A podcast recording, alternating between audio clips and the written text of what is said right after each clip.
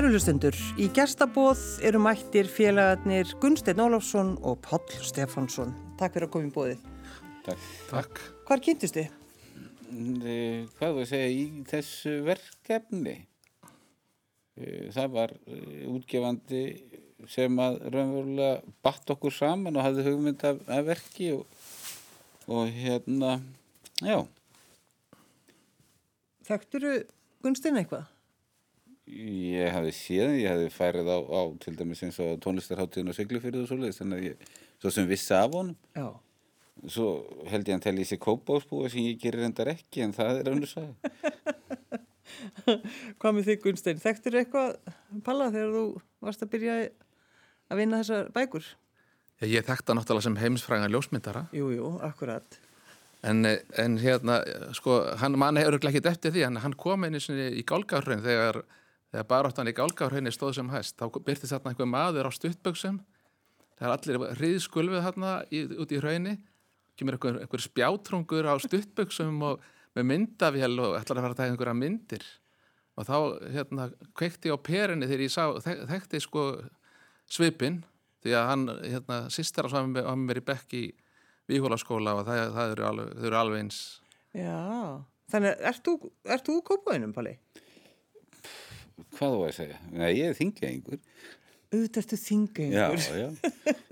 Nei, ég bjóða raunverulega af þeim rúmlega 60 árum sem ég hef staðið uppréttu hér, þá hef ég ekki að með í sjö ári kópói, þannig að ég, og það eru svona, já, frá 13 til 20, sem, Já, en það, það gerir mann ekki að kópói, búa. Gunstein. Jú, jú, ég er nú kópásbúi Þú glottir bara Palli.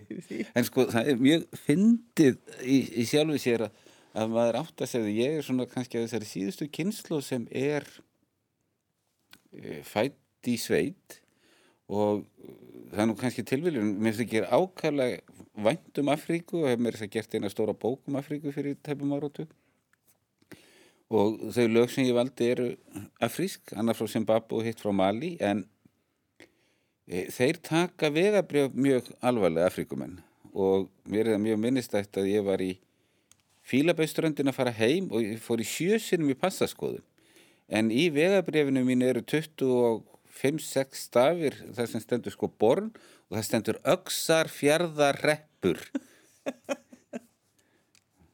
Ætli ég sé ekki það? Já, það, ef það stendur í, það hlýtur að vera. Það stendur í vegabrjöfinu. Born, öksar fjardar reppur. Já, já. Svo er mamma á söðursíslunni. Þannig, já, já. En uh, Gunstein, þú náttúrulega, uh, já, bara alltaf einhvern veginn, kópóðsbúi. Já, ég reyndar fættur á Siglufyrði og uh, var þar á sömurinn hjá amma minni þannig að ég tengi minn og ónættarlega við Siglufyrði líka en svona æskan var í Kópavogi og, og upp á holdinu þar sem maður lék sér í, í drullupollum og, og upp á Stórasteini og það sem núna er orðin bara byrkiskóur Varst þú ekki, sko, snemma að stj- að stjórna einhverjum kór og varst eiginlega jafn gamall þeim sem voru í kórnum? Jú, og yngri. Ég var, sem sagt, byrjaði 17 ára, eh, stopnaði 17 ára kór í mentaskólinni Kópavogi. Stjórnaði með fjögur ár. Fóru ekki einhverja ferð? Jú, ferðir. Við fórum eins til Akureyri og svo fórum við til Danmörkur, til Vinabæjar Kópavóks, Óðinsvíja og heldum þar inn að þrenna tónleika með, tókum hljómsveit með okkur og allt. Og var enginn, það, það var bara, þú kórstjórinn, sástum allt Já, já. og alla krakkana? Já, þannig. Það var nú ekki mikið að sjá um. Þetta voru ekki einhverja 40-50 manns. Nei, en hvað? Allir. Sjensin var myndið hefði sendt börnin sín í einhverja svona ferð. Þetta var náttúrulega bara þeim tíma. Það var náttúrulega játn nægi. Og það var sagt að, að kennararnir hvertuðu mikið undan því. Það væri bara einn kennar í skólan sem kæmist upp með það að vera með járnaga og það væri kórstjórin, Gunnsteinn Ólafsson. Já, já.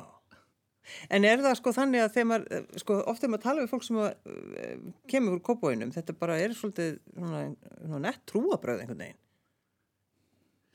Trúabröð. Talaðu Palla. Já, ég veit það ekki. En uh, það er eins og Raksi vinni minn sagði ekkert tíðan sko að hann festist í kópói vegna þess að það er svo flóki gatnakerf Já. hann var aldrei komist í burtu. það gerir ekkert anneldur en að koma sér, koma sér út. Já, Ég, svo, er það ekki svo skipti máli hvaðan maður kemur úr svona kópóinum? Þetta er náttúrulega bara Það er ekki svolítið? Jú, jú, þetta er náttúrulega orðin allt annar bær núna heldur en þetta var. Þetta var svona lítill á nettur bær þegar maður var alast upp og eh, ég hérna, gerði mig grein fyrir því fyrir svona 20 árum síðan að það, þetta væri orðin allt annar bær þegar ég var að tala við unga stúlku sem að ég ætlaði að fara með nótur til hennar og, og þá sagðist hún búið eitthvað staðar í, hvort það var í salakverfi eða eitthvað staðar. Og, og, og hérna, ég sagðist vera á Álfólsvegi og hún vissi ekki hvað Álfólsvegur var sem er náttúrulega var höfuð gatan í bænum. Þá vissum maður að það hafði eitthvað gerst. Já, eitthvað ræðilegt hafi gerst. Álfólsvegur. Þetta er náttúrulega bara, við allir hvar, hvar sá, sávegur er. Jú, jú. Já, En það er aldrei merkilt þegar þú ert að tala svona um Kópavog að, að hérna, við erum með svona alla og þessi bók sem við erum að koma hérna að tala um fjallar svona um, hvað þú að segja helstu perlur í, í líðveldinu, við gerðum fyrir tveimur árum bók um hálendið og núna erum við að fara hringin í lálendinu mm. Og það er engin kaplu um Kópavog Gunnsteinn, hvernig, hvernig dettur þetta í hug? Já, þetta er, þetta er mistök. Og, en svo er á móti sko mjög langu kapli um fæðingarstað hans og ég er búin að berjast fyrir því og fekk því nú framgengt eh, eftir sko mikla rimmu að, að, að, að fá áspyrgin það sem eru fjórum kílómetrum það sem ég er fættur þannig að, að hérna mér finnst einhvern veginn mjög óréttlátt að hans fæðingarstaði fengi þarna gott pláss Já, En mín fæðingarsveit ekkert og ég myndi nú segja að það áspyrki væri nú mun merkari staður en, en þetta skítapleis þarna norður í landi. já, þá tölum við ekki meir um þetta. Nei, ég ég, þetta var nú smá grín um Siglufjörð. Mér er fallet á Siglufjörð og það er bæði merkileg saga og, og, og einhvern veginn svona, já. En hvernig vinnum maður svona verk, sko, rithöfundurinn og ljósmyndarinn? Hvernig, hvernig gerir maður svona? Já, það er við setjumst fyrst niður og, og ákveðum hvaða staði við ætlum að taka fyrir. Fyrst er á listana var Siglufjörður og síðan þurfti ég að berjast fyrir því því að hann er tekst að fá, fá inn áspyrki en ég held að, að svona verk verði bæði betra og, og er það að að við komum raunverulega með svona allt aðra sín inn í þetta. Ég reyni að, að fanga byrtuna og, og stemminguna og hann söguna og, og nútíman þannig að, að þá breykar verki það, það, þetta verður ekki eh, höfundur texta að myndskreitt eða, eða texta að gera myndirnar eða að ég sé að, að, að gera textan heldur þetta er, hvað þú að segja verkið verður textin og myndirna verða svolítið sjálfstæður sem svona einhvern veginn líma saman í, í hverjum stað Já, þegar maður skrifa svona texta, þá vissi maður í sjálfu sér ekki almennlega hvað maður var að fara út í.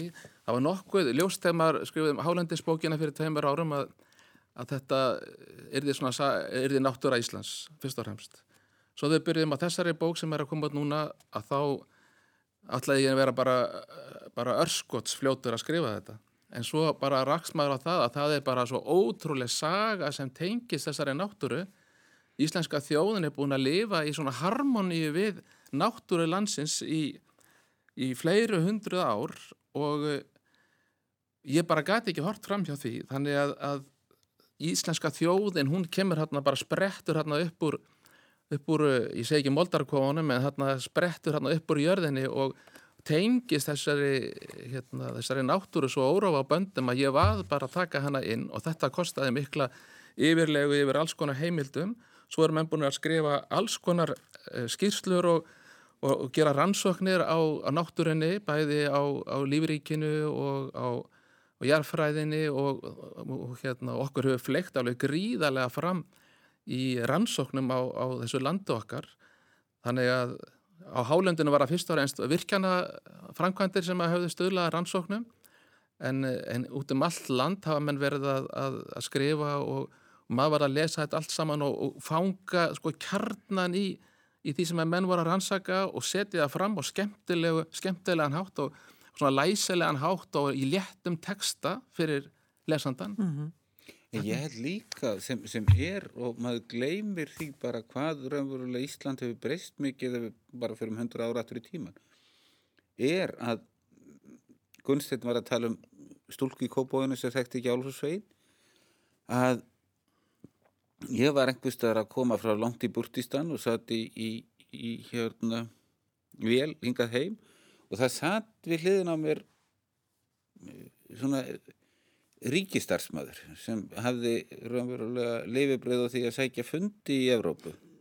Og það var hansi sko merkilegt lifibrið og svo eh, sér, frétti sagði setna frá því ég hefði hitt hennar mann. Já hann hefur aldrei tíma til að skrifa skýrslur því hann er alltaf komin til Stokkons eða Brussel á fundi sagt, en hann hafði aldrei komið austu fyrir Vík og raunverulega aldrei norður og vestur fyrir Skagafjörð. Hann átti eftir en hann hafði komið skút um allan heim en hann þekkti raunverulega ekki landið sitt. Og, og mér, það, ég fór nú aðeins að stríða hann því hann var að stæra sig af því hvað hann hefði farið víða og verið á mörgum fundum. En hann þekkti raunverulega já, hann var típisku ríkistarsmaður Já, já, Já. við erum alltaf ánum með það þegar komst á fundi. Já, en, en þetta var einhvern veginn, ég var svo undrandi því að þetta var maður sko ferdugt og velmentaður og, og, og, og fundarglaður, en hann þekkti ekki landið sitt. Og þess vegna held ég til dæmis að þessi svona bók gefur fólki tækifæri til þess að kynast landinu sinu betur og eh, hvað þau að segja næsta sumar að, að, að skipuleikja já, mér langar að fara á Siglufjörð sem ég hef aldrei komið eða sem sagt, það, eru, það er alveg fjöldin allar af fólku sem, fólki sem hefur raunverulega ekki komið á, á staði eins og Siglufjörð sem, sem er raunverulega sko, stór bær. Við talum ekki um hérna norður á Melrakaslettu sem ég finnst eitt svona fallegasti staður í líðveldinu það er örfáir sem hafa farið á Rauvarhöfn hvað þá í Bakkafjörð sem er dásanlegur Þessi bók reynda nær bara að eiga fyrir því, sérst að vesturum frá, frá Reykjanesi og Snæfellsnesið og, og vestfyrðina, Horstrandir og, og svo Norrland vestra og svo stefnum við að því að gefa út á næsta ári aðra bók, þá lokum við hringnum. og hún er svona næstu því tilbúin Já. þetta hefði verið bara allt og mikið og dýrt raunverulega verk að að koma að þessu ég veit nú ekki hvað eru mörg orð en það eru 315 myndir í þessari bók Aðeins. Já, ég taldi þér um daginn vegna þess að ég segi, vá Það eru 200 blasir. Ég baði ykkur að koma með músík uh, og þau eru, ef ekki að segja það, sko þegar maður, þegar maður horfir á okkur, þá virðist þið vera mjög ólíki menn og því ég held að það sé alveg rétt. Er það ekki rétt aðtúða hjá mér? Jú, það er alveg. Já, það er hárið Þannig að við skulum sjá hvernig tónlistasmekkurinn ykkar er og hvaða lag ætlar þú fyrst að lefa okkur að heyra? Ég ætla að lefa ykkur að heyra svona sem á náttúru stemningu. Það er lag sem að ég samti við ljóð eftir hérna, Valgerði Bendistóttur, ljóskáld og heitir Vertu hamingja mín og er svona eh, svolítið eh, íslensk náttúra kemur hérna við sögu. Það er Ágústa Sigrun Ágústóttir sem að syngur og, og Kristinn Ört Kristinsson sem að leikur með á píano.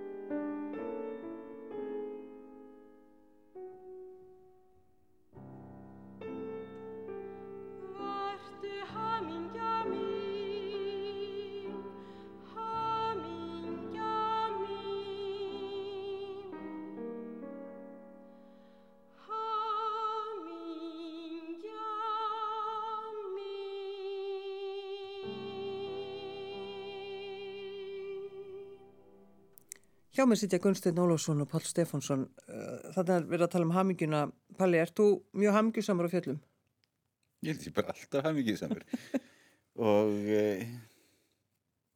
nei, ég held að, að, að raunverulega sko hvort sem eru ljósmyndir eða ekki, þá held ég að þessi fjölbreytileiki í íslenskari náttúru gefi manni bæði gleði og orku og eitthvað og mér finnst raunverulega ekkert skipta máli hvort það sé gott eða vond veður svona e, svona í, í þessari almennu e, almenna skinnlíki því að mér finnst raunverulega þegar náttúruna er sem óblíðust fæ ég oft bestu myndirnar og einhvern veginn e, það er svolítið gaman að takast á við óveður. Það er það. Já, já. og, og já, nei, það hlakkar í mér eða vond spá. Nei, til dæmis eins og við, við Ragnar Axelsson ljósmyndari höfum ferðast í 40 ár saman og svoleiði sko. Og það er alltaf eins og bara í gær. Já, gerkveldi voru að tala saman og, og ef að fara austur í vík, það er alveg djöfuleg spá. En það, nei, þú færð þú færð uh, já mér finnst ekkert raunverulega skemmtilegt við það að, að vera á sólarströnd í sama veðrinu dag eftir dag það, það, ég, ég myndi deyja Já. og leiðindum sko. Já, já. Hvað segir þú, Gunsteinn? Ert þú hamingjusamur á fjöllum? Já, ég get ekki neyta því. Það er, það er himnaríki á jörð að vera bara einn, með sjálfum sér á fjöllum, ég finnst það stórkoslegt. Ég er búin að vera leysugum að með erlenda ferðamenn í, já, í rúm 30 ár á, á sömrin og, og þetta er, er stórkoslegt að geta opnað landið fyrir öðrum og, og, og þá, ég er ekki bara að segja frá náttúrulandsins heldur lesi mikið fyrir fólk og þjóðsögur og, og skáldsögur þýttar, ég er nú aðalega með þýska þjóð, eh, hérna, fer, ferðamenn. Mm. þannig þetta er þetta er, er, þetta er hamingi stundir þegar maður getur verið á í náttúrunni En það er svolítið sniðut sem hann segir því að ég held til dæmis að hluti af því þe- þegar ég var að byrja sem ljósmyndari var það að ég var einhvern veginn svo upprifin af allir þessari stærð og fegur og mér langaði að miðlenni áfram. Þú veist, mér fannst þetta of stort og of uh, til þess að, að bara hafa þetta fyrir sjálfan mig. Mér, þess vegna já, mér langaði að, og þá var ekkert að hugsa um einhverja útlendinga, ég mér langaði bara þennan ríkis, fundaglaða ríkisarsmann sem hafði aldrei farið austu fyrir vík. Já. Hann fengi raunverulega að, að þefa af, af því sem landi býður upp á.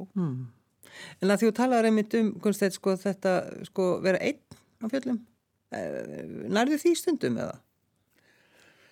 Já, ég næði stundum ég skýst stundum svona einn og stundum er ég, eins og ég hef verið ofta að vinna einn á Siglufjörði fæ að fara norðu vegum hús þar og, og þá er ég að, semja tónlistar og, og svo skýst ég á skýði eitthvað staðar á dagpart eða, eða stekka á fjöll þar og, og eins hérna að, að það er tími til að fara á Esjuna eða fara á Hengilinn og og líka þeir í leiðsögumennskunni að, að kannski á kveldin að fara sjálfur bara eitthvað staðar út og ganga fjöll Ég geti ekki farið einn á fjöll. Það er bara eða einn upp á hálendi. Ég bara er því svo einmann að vera ekki með myndavill. Þú þú ert með myndavélina. Já, já, nei, ég meina, ég er alltaf með ferðarfélaga með mér. Ég, Það, það er vélinn. Já, já, en svo, svo kemur svona fólk stundum með, en, en nei, ég fer aldrei einn. Það ég er alltaf með myndavill. Já, já, já. En hefur einhvern tíma lendið í, sko, að vera ekki með myndavélina þegar þú, og þú sérð eitthvað, eitthvað mótíf sem þú hefðir vilja að taka? Sko, það er dálítið góð saga því að ég átti myndavél sem hétt Línhoff og tóka svona stórar filmur. Og ég og Ragnar fórum upp, sól, upp á Sólheimajökli, það er kannski svona 20 ár síðan, eitthvað svo leiðis og ég lendi í bara fallegustu byrtu sem ég hef nokkuð tíma síðan. Það var svartur heiminn, regnbói og það var allt. Og ég kom alveg svo leiðis, sko, já, hamingjusamur með ferðarfélagan þessa myndavél. Ég hef sjaldan orðið einn stapur því ég glemdi að taka spjaldi frá alla myndina voru svartar, ég er atvinnuljósmyndari þetta er náttúrulega sko, Þetta er ræðilegt. já, og, og Raksi hlær alveg opbóðslega sem hann, hérna, því ég hafði tekið sko, og þetta voru bestu myndi sem ég nokkuð tíma tekið en þær voru bara aldrei teknar Er það svona eins og einhverju tónar sem að þú missir og gleymir þegar þú ert að semja tónlist? Hvað, Það vill nú hann til að ef ég er að semja músík og ég setja eitthvað í mig, þá gleymi ég því ekki. Nei. En mér langar til að segja svona sögu, svipaða sögu, veist að við erum að ræða svona myndavélar og, og ég, þegar ég bjó í Ungverjalandi í fjögur ár þá fór ég nokkur sinni til Transilvaníu sem er náttúrulega stórkostlegt landsvæði. Og, og ég tók mikið af myndum og, og þetta er svona myndefni sem maður sér hverki annar staðar, það er hérna, mjög fátætt fólk sem maður kynnist þarna og, bara lífsbaráttan hérna í þessu Transilvaníu, þetta er, hún er alveg ótrúleg. Og ég hitti þarna hérna, svona 15-16 ára gamla stúlku sem var með reyfa barn í höndunum. Og, og hérna stóð þarna, út- bara ég hitt hann út á götu og ég spurði má ég taka mynda þér? Þetta er svo eitthvað svo fallegt mótif. Og ég hérna hún sagði já, allt í lagi. Og ég tek mynd og þetta er alveg gull svona falleg byrta og svona, ég tek mynd af henni og ég spurði má ég kannski bara senda þér eintak af þessari mynd? Ha. já, hann endilega. Og hérna, hann talaði um ungversku og eh, hérna má ekki skrifa niður hérna, heimilisfangið? Jú, viltu skrifa það fyrir mig? Þá gæti hún ekki skrifað. Það er aldrei lært að skrifa. Svo það kemur hérna ungverji hérna gangandi. Að þetta var mikið ungverja, hann tvær miljonir ungverja sem byggu hérna í, í, í Transilvani á þessum tíma. Jú, jú, hann býst til að skrifa nafnið hennar og svona og hann gerir það og, og réttir mér og ég segi, þakka að kella fyrir, ég ætla að senda þér myndina þegar ég kemur þetta í Budapest. Svo kem ég til Budapest og opna myndavélina engin filmaði í vélinni Þetta er ræðilegt. já. Og hún er enn að býða. hún er ennþá að býða er. Nei, ég sendi henni póskort Já, já. saði henni því miður, ég, því miður var bara engin filmaði í vélinni afsaka þetta innilega Já. En þetta, þetta er svolítið merkilegt og, og eh, eins og ólæsi er svo, eins og mikið í Vesturafriku sérstaklega og annar af þessum tónlistamanna kemur einmitt frá Mali sem er það sem læsið er bara 20% og mann er bregður svo þegar maður þarf að hafa samskipti við fólk rétta leigubílstjóra heimilisfang sem er á leiðinni til og þeir stoppa kannski 30 manns og byrja að lesa fyrir sig Það er ótrúlegt. já Já. og, en það er einhvern veginn að því að uh, það eru ekki margir malimenn sem getur lesið bókina eða textana skunstins en þeir skildu allir myndirna mínar þannig að ég, já ein mynd segir meir en þúsund orð Jú, er það ekki alltaf? já, Já, þetta er, þetta er mjög erfiðu texti sko. mjög En eru þið, sko, eru þið stundum hissa á einhvern veginn eitthvað samstarfi? Þú veist, hvernig þetta hefur gengið og hvað er að koma bara þriða bókin eftir, eftir áramót? nei, þetta gengur allavega frá mínum bæjatir sér gengur þetta ákærlega bara vel og, Já, já, þetta er mjög skemmtilegt samstarf. Já, já, og það er svolítið öðruvísi með þessa bók heldur en fyrri bókin að, að ég er með svona risastóra kortabók og það sem við erum að reyna að staðsetja myndirnar og svoleiðis. Nú gerðum við þetta allt í gegnum svona forrit, þú veist og það var daldið fyndið sko að, að að eiga svona náinn samskipti sko í klukkutímum saman þú veist Já, við, gátum, við hittumst ekki sko, út af, út af Nei, nei. Nei. af, út af hérna, veirunni þannig að við erum að, að, að bara gera þetta gegnum tölvuna og það gekk að vera að semja sig að aðstæðum eins og sagt er.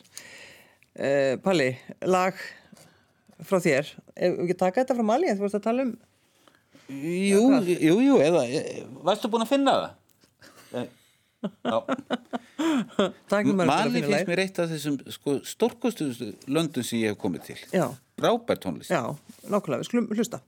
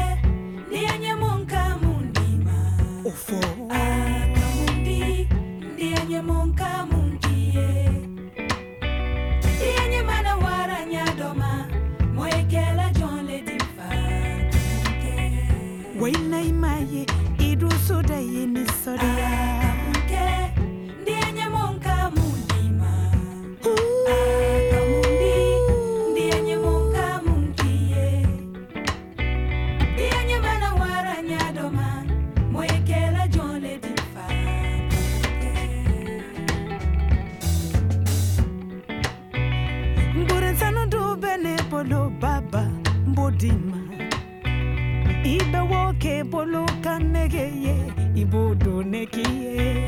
Owari moko mimbi bolola odomobilidela kodideno mamama mama mama ni bamakogongoma kakamuke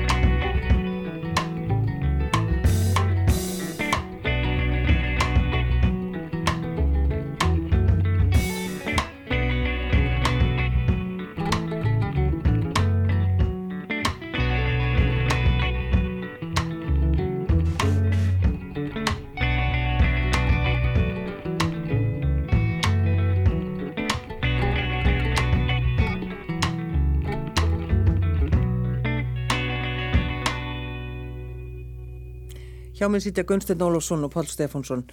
Vitið þið hvar hjarta Íslands er? Gunsteinn. Hvar slær hjartað? Það slær hannilega í hverkvöllum. Ótt og títt. Já, þar er hjartað. Já, ég held að það sé hjarta Ísland sé þar. Hvað séð þú, Bali? Austuvelli. Austurvelli. Já, Já, allt í já. Ég bjóst við einhverju allt öðru. Nei, en, já, hvað var að segja, þar, þar er stjórnsýslan. já, já. Hérna, raunverulega á stór höfuborgarsvæðinu og ef við förum Akranes, Selfoss, Reykjanesbær, þá býr hér 80% af þjóðinni. Já, já. Maður má ekki glemma því. Nei. Og það hefur breyst og þess vegna held ég líka að svona bók sé gott innlegg í þetta að ferðast og, og þekkja landi sitt betur heldur en einhverja götur í miðbænum eða í kópavóinu. Já, já. Sko, þegar maður, maður er fengið þetta verkefni að skrifa svona bók, ég tek hana fram að það er bróður minn sem byggði með þetta, forleggjarinn, Pétur Már Ólafsson, hann byggði mig um að skrifa fyrst Hálendisbókina með Páli og svo við vorum búin að, búin að ferðast um landi saman og svo bara segir hann, nú bara skrifa þú bók og, og ég tek þetta að mér og ég held að ég vissi allt en það bara kemur í ljós að maður veit bara ekki neitt Nei. í rauninni, sko. Það er alls svo gott þegar maður um uppgötar þetta. og sérstaklega í þessari bók sem er að koma út núna þá er þarna landsvæði sem að, að ég sko, sko skammaðis mín bara inn að beini fyrir það hvað ég þekkti lítið sérstaklega eins og breyðafjörðaregar þetta er eins og, maður, það var eins og ég var að uppgöta nýja heimsálfu þetta var bara eins og ný heimsálfa að, að lesa sér til um lífið í breyðafjörðaregjum og náttúruna þarna. Hvers konar universum þetta var á sínum tíma? Og það er ekki nema, sko það er 70 ár síðan að byggð leggst þarna af. En þetta var sko, þarna var líka hjarta Íslands að vissu leiti, þarna, þarna var alltaf nóg að býta á brenna. Mm. Stórkoslegt líf og, og, og en svona fjölbreytt og, og mannlífið sko, það var, mjög ríkt fólk og þarna var líka sára fátætt fólk, þarna voru vinnukonur sem að var farið með þar eins og bara skeppnunar á bænu, það er þræluð þarna myrkrana milli, voru að hreinsa dúnin í einhverjum loftlausum kofum og, og, og, og börnin að ganga um allar eigjar og tína egg og tína dún og, og passa sig að verða nú ekki eh, flæði ekki inn í einhverjum flæðiskerjum og þetta er, þetta er ótrúlegt líf. Og maður reynir, reynir að vekja hennan þetta líf þarna til lífsins svo mætti orða og, og hérna, það eru fleiri kaplar hann í bókinni sem ég geti sagt frá en það er sérstaklega breyðaferðareyja sem komið mér svo í opna skjöldu að mér skildi ekki vita neitt um þetta En það er líka svo merkilegt ef við förum e, já, ekki ára tögi heldur aldir aftur í tíman að raunverulega þeir, hvað þú segja, stóru staðir sem hafa farið í eyði, hotstrandir og, og breðafjörðar eðnar þegar að gengu hörmungar hér yfir Ísland og fólk var að deyja alveg til hægur og vinstri þá var þetta einu staðirnir í þessu litla konungsríki sem við vorum hluti af þar sem fólk hafði nóg að býta og brenna. Og það er svolítið merkilegt að, að þessir staðir sem að raunverulega já, hefðu mestan matarforða þegar allt þegar koma harðindi þeir fóru í eyði fyrst sem sýnir raunverulega hvers konar breyting hefur orðið á, á hvað er að segja lífsbaráttu, lífskjörum og lifnaðarháttum hérna í líðveldinu. Já. En það er svolítið merkild einmitt þegar maður er að gera svona bók, af því að hann segir sko að kynna sér söguna. Er það fyrir mig sem ljósmyndari er engin staður eins. Það fer eftir árstíð, það fer eftir byrtu og staðir sem maður hefur komið hundra sinnum á. Þeir byrtan árstíðnar breyta öllum stöðum þannig að, að já, þú ert aldrei að taka sömu myndina. Og aldrei í rauninu upplifa eins Nei. staðina. Það er alltaf eitthvað sem íti við manni. Ég hef komið hundra sinnum í landmannalögur og það er aldrei eins. Nei. Aldrei. Ég held að bara, vá, ha, Þessi staður. já, þessi. Upplifðu þú þetta, Gunnsteinn? Já, já, ég var nú einmitt að hugsa um þetta þegar áður með komum hérna í þáttin að, að, að þegar maður er að reyna að fanga svona land eins og Ísland að eh, það er ekkert, það er engin sannleikur í þessu, þetta er allt, þetta er allt á flegi ferð, sagan er á flegi ferð, náttúran er á flegi ferð, það er alltaf eitthvað að breytast. Og svo er einhverjur um umhverfisráðara sem er að frið, friðlýsa hérna alls konar svæði sem maður er nýbúin að skrifa þetta sé, það er ekki búið að friðlýsa þetta og svo bara daginn eftir að bókin kemur út þá er búið að friðlýsa þetta, búið að friðlýsa hitt og það er alltaf eitthvað að breytast. Já, og það er náttúrulega stórkostlegt við þetta og, og, og það, er- en ég vona það að, að þess, þeir sem að lesa þetta þeir, þeir fá ákveðna mynd af landinu eins og það er núna. Og svo eftir 50 ár þá er þetta að skrifa aðra bók og þá, hún verður þá kannski allt öðruvís sem þetta sama svæði. Já. En eins, eins Ég og, held líka með að gleyma einu bara. Hvað og, raunverulega Ísland er lítið, það er ekkert stórt.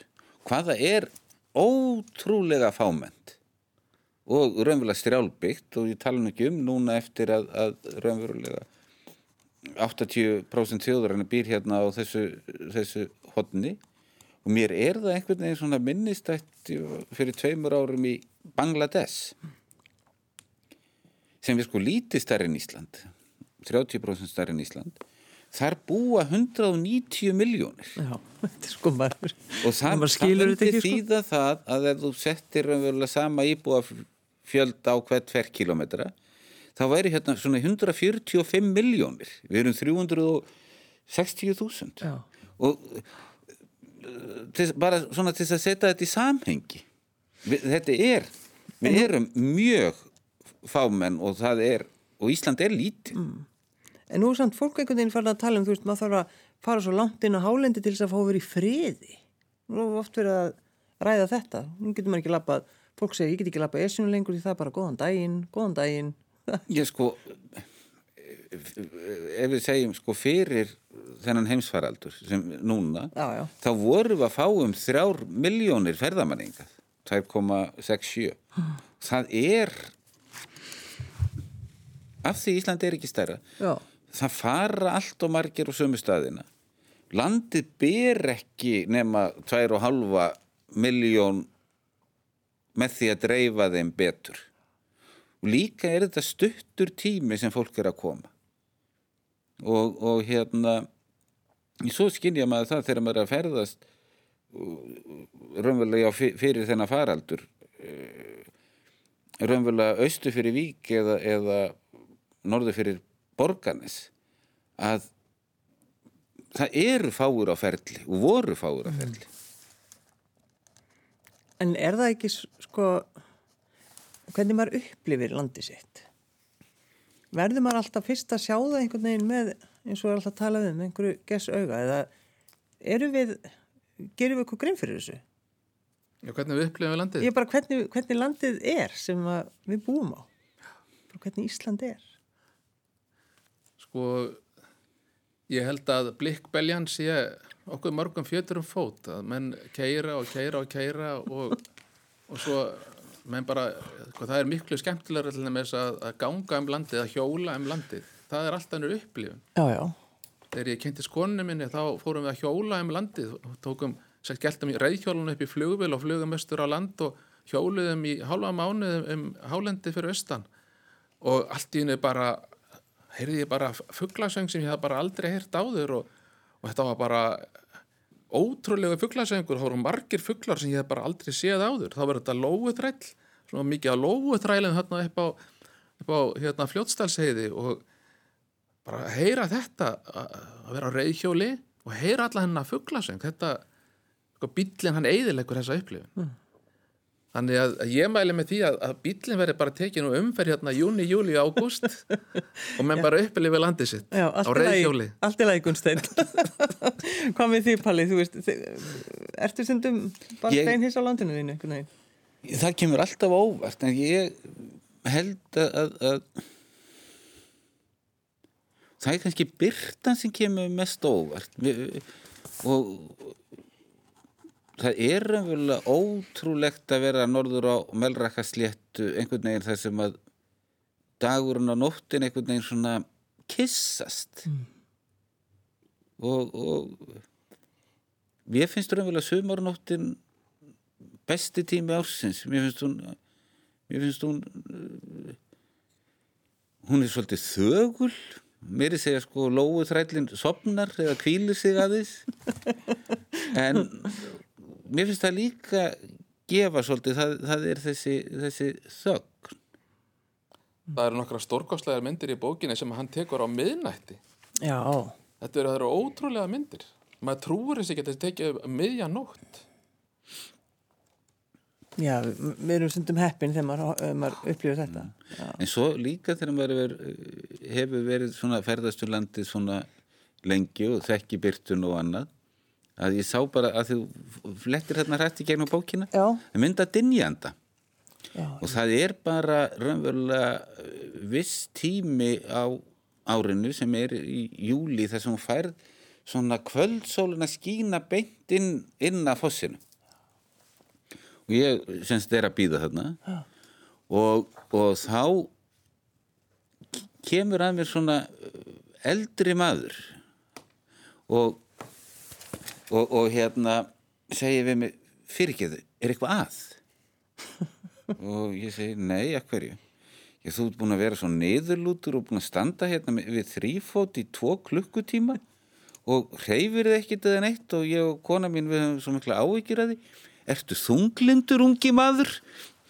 Þú veist, ég er, ég er mjög miðaldra en, en mér fannst þetta veginn, ég segi, nei, ég er bara að býða eftir byrtunni og þeim fannst þetta ákæðlega skrítið en svo var hérna sé ég að þessi byrta sem ég var að býða eftir kemur og ég segi, svona, ég sé hún að koma svona pínulítið gat á sem bara myndar svona spottljós á fossin og ég segi við kellu þegar hún var, hún var aðeins betur á sig komin heldur en kallin nennir að hlaupa þarna upp á, á þessa þúu sem hún og gerir sko og, en mér fannst þetta óskaplega svona e, hvað við segja skemmtilegt að hann held ég að væri svo þunglindur ég væri sjálfsmorð hugleðingu þegar ég var að býða eftir réttu byrtuna við dynjanda. já við dynjanda svona klukkan 11 Já, já. á þriðudagskvöldi Og maður þarf að fylgjast með fólki. Það er ekkert annað. Gunnsteinn, uh, lagið þitt, setna lagið. Já, ég ákvaða að taka eh, lag með mér sem að tengis bókinni því að við, það er heitt kapli sem fjallar um Hjaltadal og ég ætla að, leiða ykkur að heyra lag sem ég samdi í Hjaltadal og heitir Landþjóðatunga við ljóðu Snorra Hjartarssonar og hérna, ég hef reyndar svolítið pælt í þessu eh, textanum áður og settið smá skema hvernig þetta geti litið út. Svo er ég bara hérna gist ég tvær nætur á hólum og, og þá bara kemur þetta og þetta lag var bara til á klukkutíma eða svo heitir sem sagt Landþjóð og tunga og það er háskólakorin sem syngur og það er sinfoníu hljómsveit unga fólksinn sem að leikur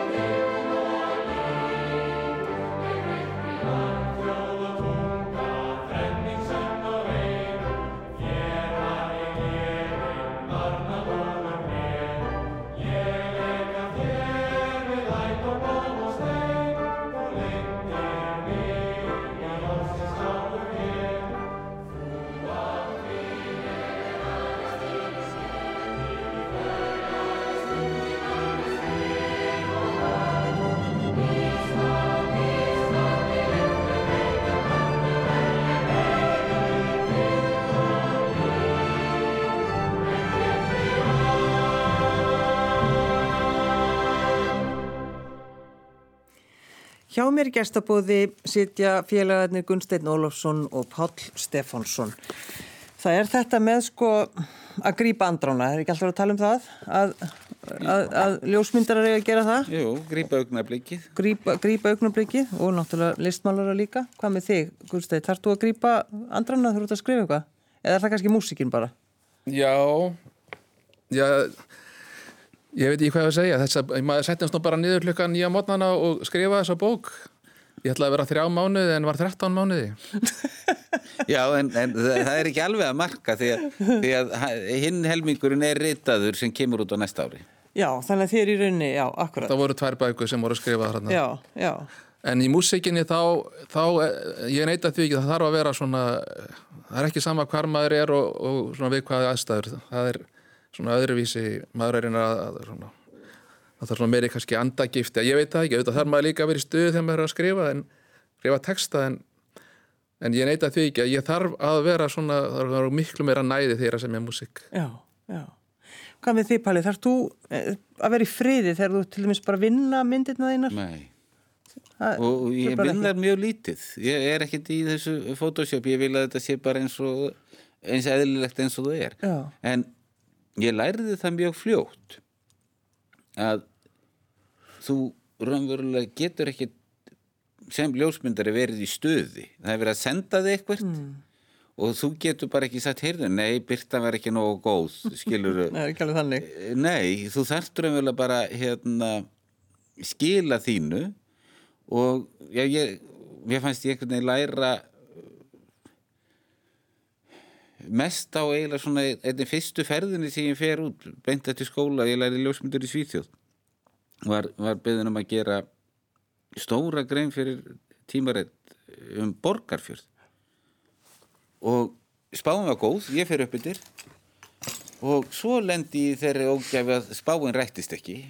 Ég, þetta er fyrir sko hérna farsímona og ég fann tíkalla sím í munaðinessi og hringdi í útgefandan og segi ég, ég veit ekki hvað ég á að gera.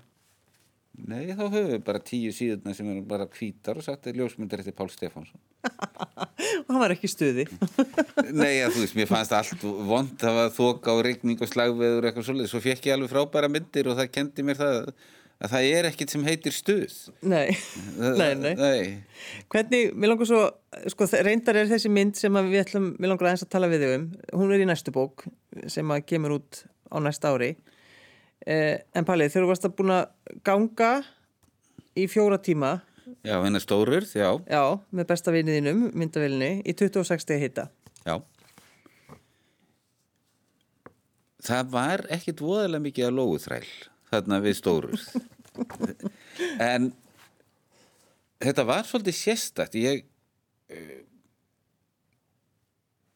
algjör kyrð svo veit ég að það er svona uh, lítið vatn þarna undir bara dyrfjöllunum og setti stefnun á þangað.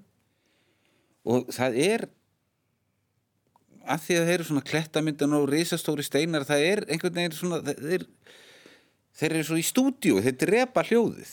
Svo kem ég að vatninu þá er bara berrasað maður að henda sér út.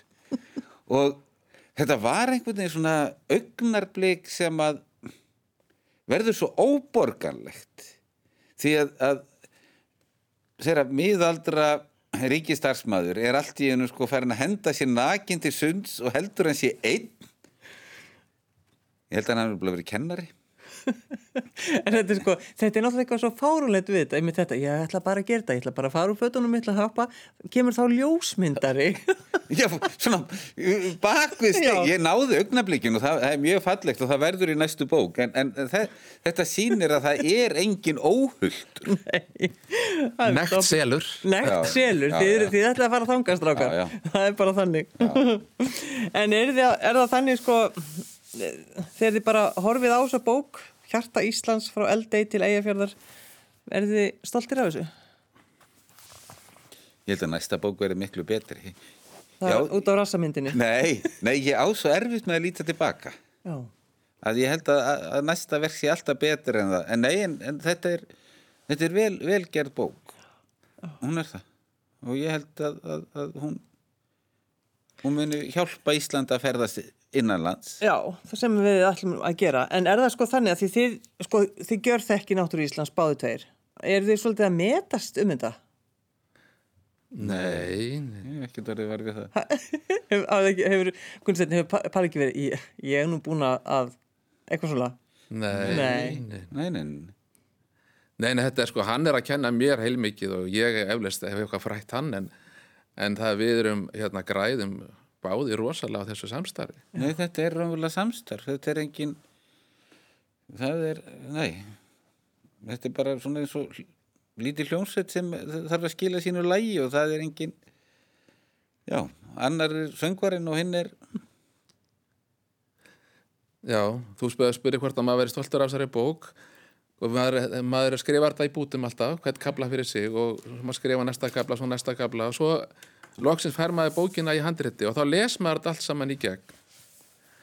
Og þá þurfti nú aðeins að, að snurfusa til og svona. En, en ég verð að segja alveg eins og er að þetta er bók sem að ég hefði gjarnan vilja að fá í hendurna þegar ég var að byrja minn lesu manna feril fyrir 30 árum síðan. Þetta er svona bók sem ég gjarnan vilja að fá í hendurnar og, og fræðast um, um landi svona. Þannig að ég er mjög ánæður með þetta sjálfur en, og ég vona að öðrum að ég eftir að líka bókin Það var bara að loka leið, strákar. það er, að því ég var með lag frá Mali, þetta er strákur frá Biafra, eða réttar að sagt Nígeríu, og mér finnst svolítið gaman að því að þegar ég er, þegar Biafra stríður, að þá var það alltaf sko sagt við okkur sískinin og mörg, ef maður lefiði, hugsuðum börnin í Biafra. Já, já. Var við, eh, Gunnsteinn, ert þú alveg upp þetta líka? Nei, Nei, hann borðaði allt. já, ná, Já, hann er svo vel upp en þetta lag bara sá ég fyrir viku síðan og er eftir Nígeríumann sem er fættur í Port Harcourt sem er stærsta borgin í, í, í hérna og er, var valið á New York Times sem eitt af fimm bestu lögum síðast árs. Þar fann ég þetta lag og þetta er nýja uppbóðslægi mitt. Gunnsteinn Ólafsson og Pál Stefánsson, takk fyrir að koma.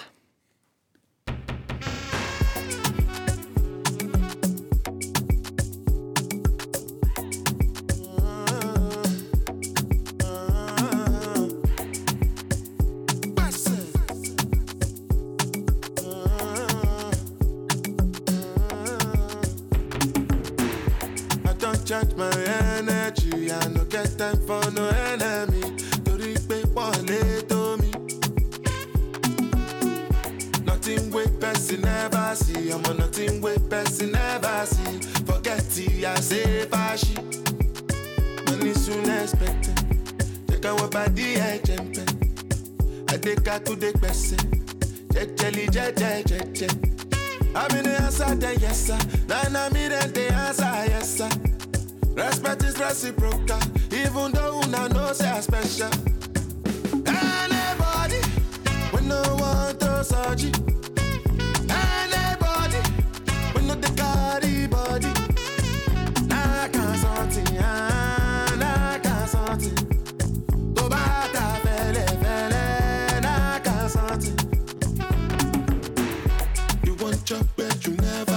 So now because myself I never done.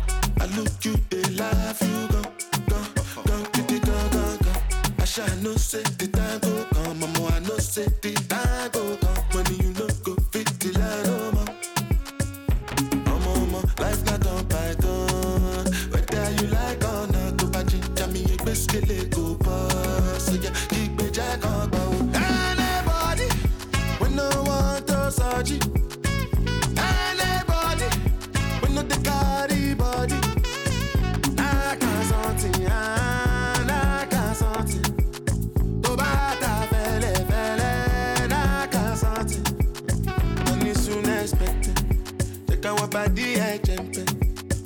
gbẹ̀sẹ̀ jẹ́jẹ́lì jẹ́jẹ́ jẹ́jẹ́ àmì ní answer yes sir. Dey answer yes sir. Respect is reciprocal even though una know say I special. Anybody we no want to surgery. Anybody we no dey carry body. Nah, can't something, ah, nah, can't something. tó bá